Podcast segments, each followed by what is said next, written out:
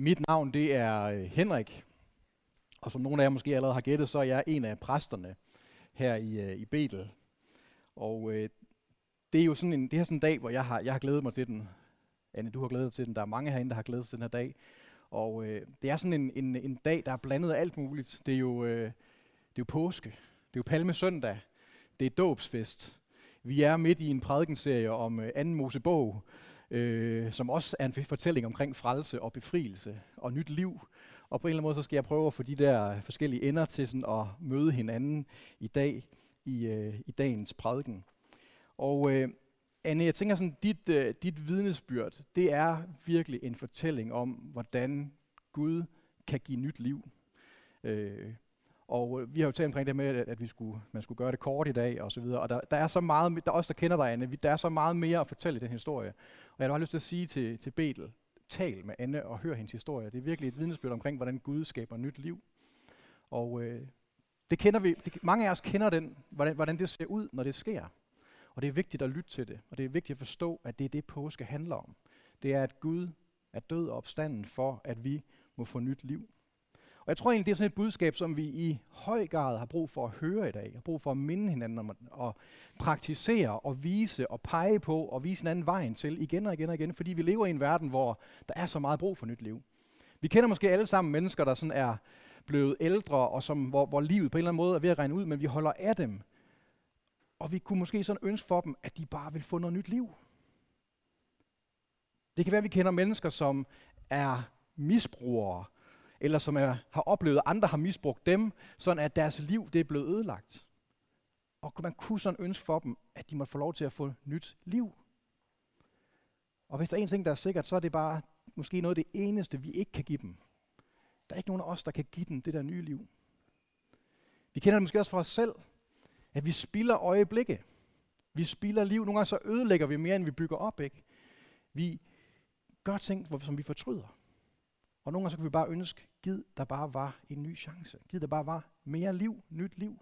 Og lige præcis det her, det er det påsken den handler om. Det er, at Kristus han er opstået, at han lever i dag. Og han ønsker at give nyt liv. Han ønsker at give sig selv det liv og den kraft til enhver, som tror på ham. Og det skal vi ikke være i tvivl om. Det skal vi ikke bede om, som please Gud, og forsøge at gøre det på den rigtige måde, ligesom Anne sagde. Det er ikke det billede, vi skal have af Gud. Det her det er det, Gud han er. Han er liv. Han kan ikke lade være med at skænke liv til dem, der beder om det. Og det er det, som vi øh, bruger påskeugen til at minde hinanden om. I dag der er, det, der er det en fest. Der er det palmesøndag. Senere på ugen, så, øh, så bliver det mørkere. Kristus han bliver forrådt. Han bliver slået ihjel. Han bliver lagt i graven. Og på et tidspunkt så opstår han påskemorgen. Men for mange mennesker, så tror jeg, at påsken det er fem sammenhængende fridage. Det er det måske også for nogle af jer. Jeg håber, at I har noget ferie. Øhm, mange gange så er påske, det er den tid, hvor man øh, håber, at foråret er kommet så meget, at man kan komme en tur i haven.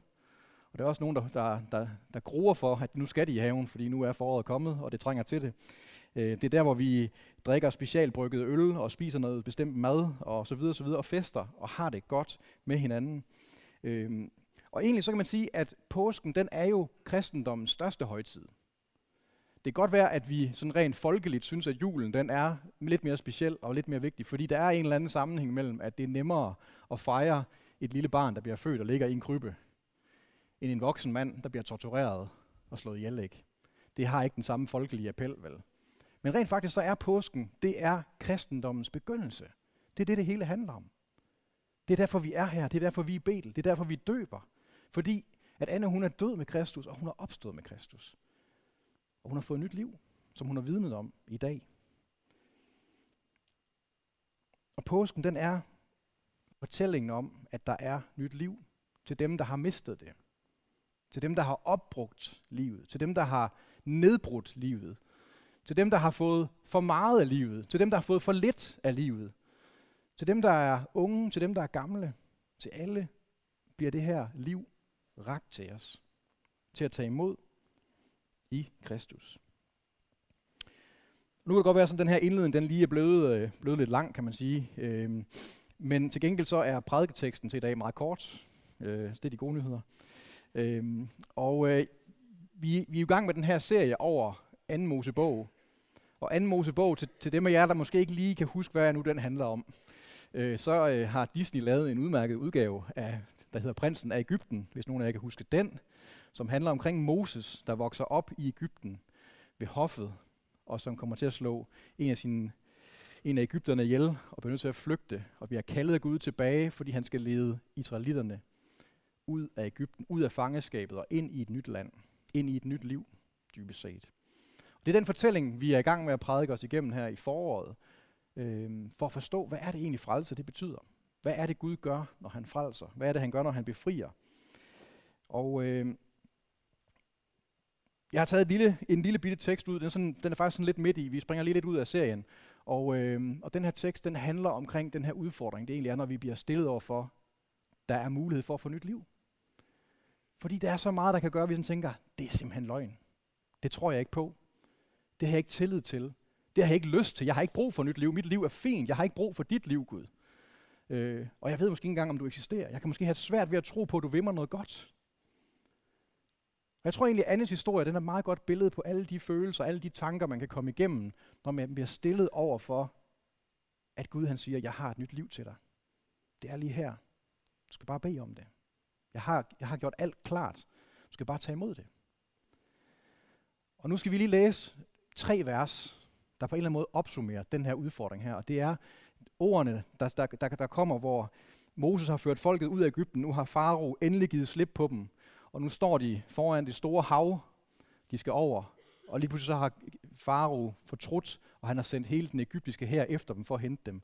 Så de har havet foran sig, og de har døden bag sig. Og nu står de der, og så kigger de på Moses. Og så siger de sådan her. Lad os rejse os op, og lad os lige læse dagens tekst højt sammen. Folket sagde til Moses, var der ingen grave i Ægypten, siden du har ført os ud for at dø i ørkenen? Hvad er det, du har gjort imod os ved at føre os ud af Ægypten? Sagde vi ikke til dig i Ægypten, lad os være, lad os tralle for Ægypterne. Vi vil hellere tralle for Ægypterne, end dø i ørkenen. Men Moses sagde til folket, I skal ikke være bange. Stil jer op og se, hvordan Herren frelser jer i dag. Værsgo og til plads. jeg, jeg elsker den her lille bitte passage, fordi jeg, jeg er vokset op i Vendsyssel, ikke? Og det her, det kunne godt være nogle vendelbror, der har sagt det her. Det driver med ironi. Hvad så, Moses? Hvordan nok grave i Ægypten? Det er simpelthen så ironisk. Det, er simpelthen, det, det siger alt. Det siger alt omkring, hvordan de her, det her folk det har det. Og hvor lidt de stoler på Moses, hvor lidt de stoler på Gud, hvor lidt de stoler på det hele. Og jeg tænker nogle gange, så er vi lige så ironiske over for det her budskab omkring liv. Og der er ikke noget at sige til det, vel? Fordi det, det, det er næsten for godt til at være sandt. Det er utroligt. Ikke? Det er næsten ikke til at tro på, at det, kan, det skal være sandt. Og her står de nu. De troede, de var frie, og alligevel så sidder de i saksen. Alligevel så er de fanget. Og det, der er interessant, det er det svar, som Moses han giver dem. Fordi han kunne jo i realiteten, vi, vi, vi har jo fulgt Moses, vi ved jo egentlig godt, hvor bævende han har været i hele det her. Ikke?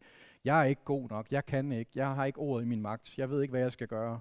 Kan du ikke vælge en anden Gud? Og så videre. Men alligevel så står han her, og så siger han det her med, stå fast, bliv stående her.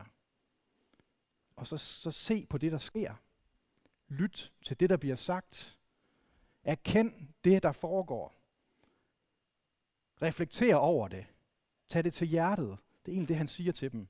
Nu skal I bare se, hvad Gud han formår at gøre. Og jeg tænker, det her, det, det er virkelig det er gode ord til os i dag. Ikke? Det er gode til, ord til os at tage med ind i påsken og sige, lad os prøve at ikke kun at se på påskefrokosten, men prøve at se på, hvad påsken den handler om. Fordi hvis det er sandt, så forvandler det alting. Hvis, hvis, hvis Gud virkelig er der, og han har overvundet døden, hvis han virkelig er opstået fra de døde, så forvandler det jo alting. Hvis det Anne, hun har fortalt i dag, det er sandt, hvis det virkelig er sandt, det vi har hørt i dag, så forvandler det jo alting. Det har det gjort for Anne, og det kan det også for os. Og det, der sker efter, at de er kommet igennem vandet, hvor, hvor Gud han skiller vandene, og de øh, kommer igennem, og Ægypter her drukner osv., det er, at Moses kommer ud på den anden side, og så skriver han en lovsang, ligesom vi har sunget i dag. Og så slutter han med ordene og siger, Herren eller Gud, han er konge. Gud er konge. Der kan I bare se. Stå her og se på, hvem Gud er, fordi han er konge.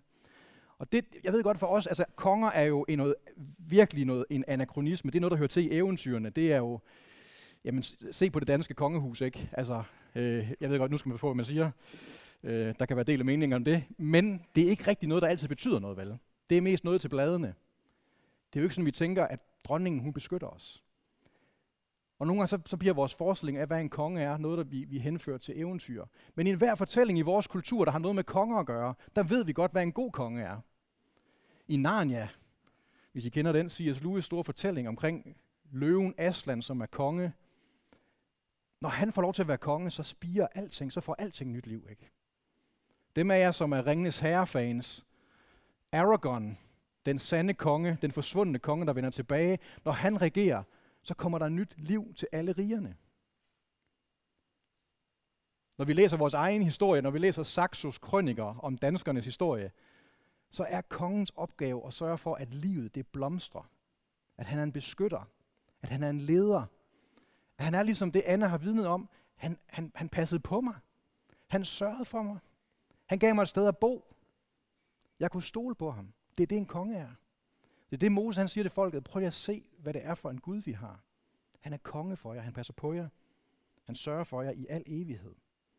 Det er det, der sker palme søndag. Det er, at kongen kommer ind i Jerusalem. Det er derfor, de råber Hosianna, fordi nu er Davids søn kommet, kongen. De kalder ham fredskonge. De kalder ham evighedskonge, fordi det, han kommer med, det er nyt liv. Det er det, vi fejrer i påsken. Det er det, den her fortælling, den handler om. Og det, den her fortælling, vi lige har læst, de her få ord også handler om, det er, hvor svært det er at have tillid til det her. Fordi det er så utroligt, at der er en konge på den her måde her. Fordi vi falder måske mest til at tænke på en konge som nogen, der er i eventyrene. Noget, der bare er løgn. Noget, der er fundet på. Noget, der ikke er rigtigt. Noget, der i sidste ende ikke er liv. Men som Anne har vidnet om, som den her fortælling vidner om, som påsken vidner om, så er Gud en, der lytter. Han hørte Israels råb. Befri os. Han hørte Annes råb. Hjælp mig. Jesus han hørte skabelsens suk, som der står om i det nye testamente. Og derfor så greb Gud ind med frelse. Gud han lytter. Og vores tendens det er nogle gange at sige, nej, det tror jeg faktisk ikke, han gør. Jeg er i tvivl om, han lytter. Det er nogle gange vores udfordring. Vi kan, vi kan være i tvivl, ligesom israelitterne var i tvivl om, vil Gud virkelig redde os? Vil han virkelig lytte til os? Gud er en befrier. Men han kan kun blive en befrier, hvis vi er, vi er klar over, at vi har brug for en befrier. At vi har brug for nyt liv. Han kan jo ikke give os noget, vi ikke vil have. Det er først i det øjeblik, vi siger, ja, jeg har brug for nyt liv. Ligesom Anne vidner om, jeg har brug for dig, Gud. Jeg har brug for dit liv. Gud, han er leder. Og udfordringen det er, vil vi følge ham? Har vi tillid til det? Har vi lyst til det? Tror vi på, at Jesus han er værd at følge? Tror vi på, at han har noget, vi kan lære af ham ved at se på hans liv? Og ofte så vi tænker vi, ah, det orker jeg det. Har jeg lyst til det? Men det gode er, at han er tålmodig. Det er det, historien i 2. Mosebog vidner om, at folket de vender hele tiden om og siger, nej, vi gider ikke alligevel, vi fortryder det. Men han er tålmodig, han venter på os. Og det Moses han siger til os i dag her Palme søndag, det er, stop op, stå fast, bliv stående, bliv i det, bliv i påsken, se på påsken, se på påskens budskab. Lyt til, lyt til ordene, lyt til fortællingen. Betel, lyt til vidnesbyrdet her i menigheden om, hvad Gud har gjort. Husk på det. Og når vi tvivler, så husk på det, vi har hørt. Det, som andre har oplevet. Lad os minde hinanden om det. Og lige nu, så sidder du her i Betel. Du lytter til historien omkring Palmesøndag. Du lytter til historien omkring Anne Mosebog. Du lytter til vidnesbyrdet fra Anne om, hvad Gud har gjort. Og du er på et sted, der har fået navn efter, at Gud har gjort noget. Betel betyder Guds bolig, og har fået sit navn efter en fortælling i det gamle testamente, der handler om, at der var en mand, der var på flugt, og han har en nat en drøm, hvor han møder Gud. Og han vågner om morgenen, så siger han, Gud han er på det her sted. Jeg vidste ikke, han var der. Jeg vidste det ikke. Men nu er han her. Og nu skal det få betydning for den måde, jeg lever mit liv af fra nu af. Det er sådan et sted, som det her det er. Og Betel, det er jo en fortælling om mennesker, der i over 100 år, over 180 år, har stået på det her sted her og sagt, Gud, du er på det her sted. Nu ønsker vi at se det, du har gjort. Vi ønsker at minde hinanden om det. Og vi ønsker også at minde alle de mennesker, vi møder om det. Fordi der er liv. Der, hvor Gud er, der er der liv. Og det liv, det kan forvandle alting. Der, hvor livet er opbrugt, nedbrudt, misbrugt, hvor man har fået for lidt, hvor man har fået for meget, lige der, der giver han nyt liv. Og det eneste, vi kan gøre egentlig, det er at, måske at adlyde Moses ord, og have mod til det, og sige, okay, så lad mig bare lige stå her. Så lad mig lytte. Så lad mig se. Så lad mig mærke. Anne, hun fortalte jo om, at hun kunne faktisk mærke Gud. Gud han prikkede til hende. Gud han var nær ved hende. Og det kan også være, at nogle af jer i dag rent faktisk har den fornemmelse. Nogle gange så er kroppen næsten vigtigere end vores tanker og vores følelser. Ikke? Den der fornemmelse, vi kan have i kroppen af, at der er noget, der er rigtigt, eller der er noget, der ikke er rigtigt, den skal vi give respons på. Og det kan jo være, at du sidder her i dag og tænker sådan, hmm, der er faktisk noget omkring det her budskab. Jeg har brug for at stå her. Jeg har brug for at være i påsken og tage imod det her liv. Jeg har brug for at sige, ja, jeg har brug for befrielse. Jeg har brug for at lytte til dig, Gud. Jeg har brug for at blive ledt af dig, Gud. Jeg har brug for at opleve din forsørgelse, Gud. Og nu står jeg her, og nu spejder jeg efter den. Nu lytter jeg den efter den. Nu ser jeg efter den. Nu mærker jeg efter den. Og så forventer jeg, at du kommer, Gud. Fordi det er sådan, det er sådan en menighed, vi drømmer om, at Betel skal være. Ikke? Med alt det, vi gør. Når vi, har, når vi har børnene med, så er det fordi, de skal opleve Gud. At vi må give det allerstørste til de allermindste. Det er vores ansvar. Det er derfor, vi gør det blandt de unge, fordi vi ved, hvor vigtigt det kan være for deres liv og deres fremtid og deres valg. At de har en fornemmelse af Guds stemme og Guds ledelse. Det er derfor, vi gør det for alle generationer, for ældre, for modne. Det er derfor, vi har foodbank hver onsdag, hvor vi deler overskudsmad ud til folk, der er værdigt trængende i byen. Fordi vi ved, det er en del af den måde, som Gud ønsker at give nyt liv på. Til folk, der ikke har noget. De har brug for at få nyt liv, brug for at få hjælp. Og når vi har fået lov til at opleve det, så er vi også sendt med det her nye liv. Fordi Gud ønsker ikke bare at give det til os, men han ønsker også at sende os med det samme. At vi må give det til andre. Det, det er det, vi drømmer om, at Betel må være fyldt af. At vi lever op til vores navn. At vi er et sted, hvor der er nyt liv. Og jeg synes, at vi skal, vi, øh, vi skal slutte gudstjenesten snart, men, men inden vi gør det, så, øh, så, skal vi, så skal vi bruge lidt tid på bare at synge en sang sammen, som, en, som et svar på det her kald, kunne man sige. Lovsanger, I må gerne gøre jer, gøre jer klar. Øhm. Det at stå og synge, det er jo at tage nogle ord ind og bruge det som en bøn, som et svar tilbage til Gud på det, vi har hørt. Og det gør vi nogle gange, når vi har, når vi har lyttet til en prædiken, så bruger vi lige lidt tid til lige at stå op og sige, okay, hvad betyder det her for mig? Og give respons. Og Moses ord, det var jo, at vi skal give respons ved at stå, og vi skal lytte, og vi skal se, hvad er det Gud har gjort, og så skal vi vurdere, hvad betyder det her for mig? Og det synes jeg, vi skal gøre sammen i dag, og det kan man gøre på mange forskellige måder. Man kan rejse sig op og synge med. Det kan også være, du har brug for bare at sidde og tænke, og måske skrive, eller finde ud af, hvad det, hvad det her det betyder for dig. Og det kan være, du skal bruge de her ord, som øh, den her sang, vi skal, der, vi skal synge, som en bøn og et svar og et kald på Gud.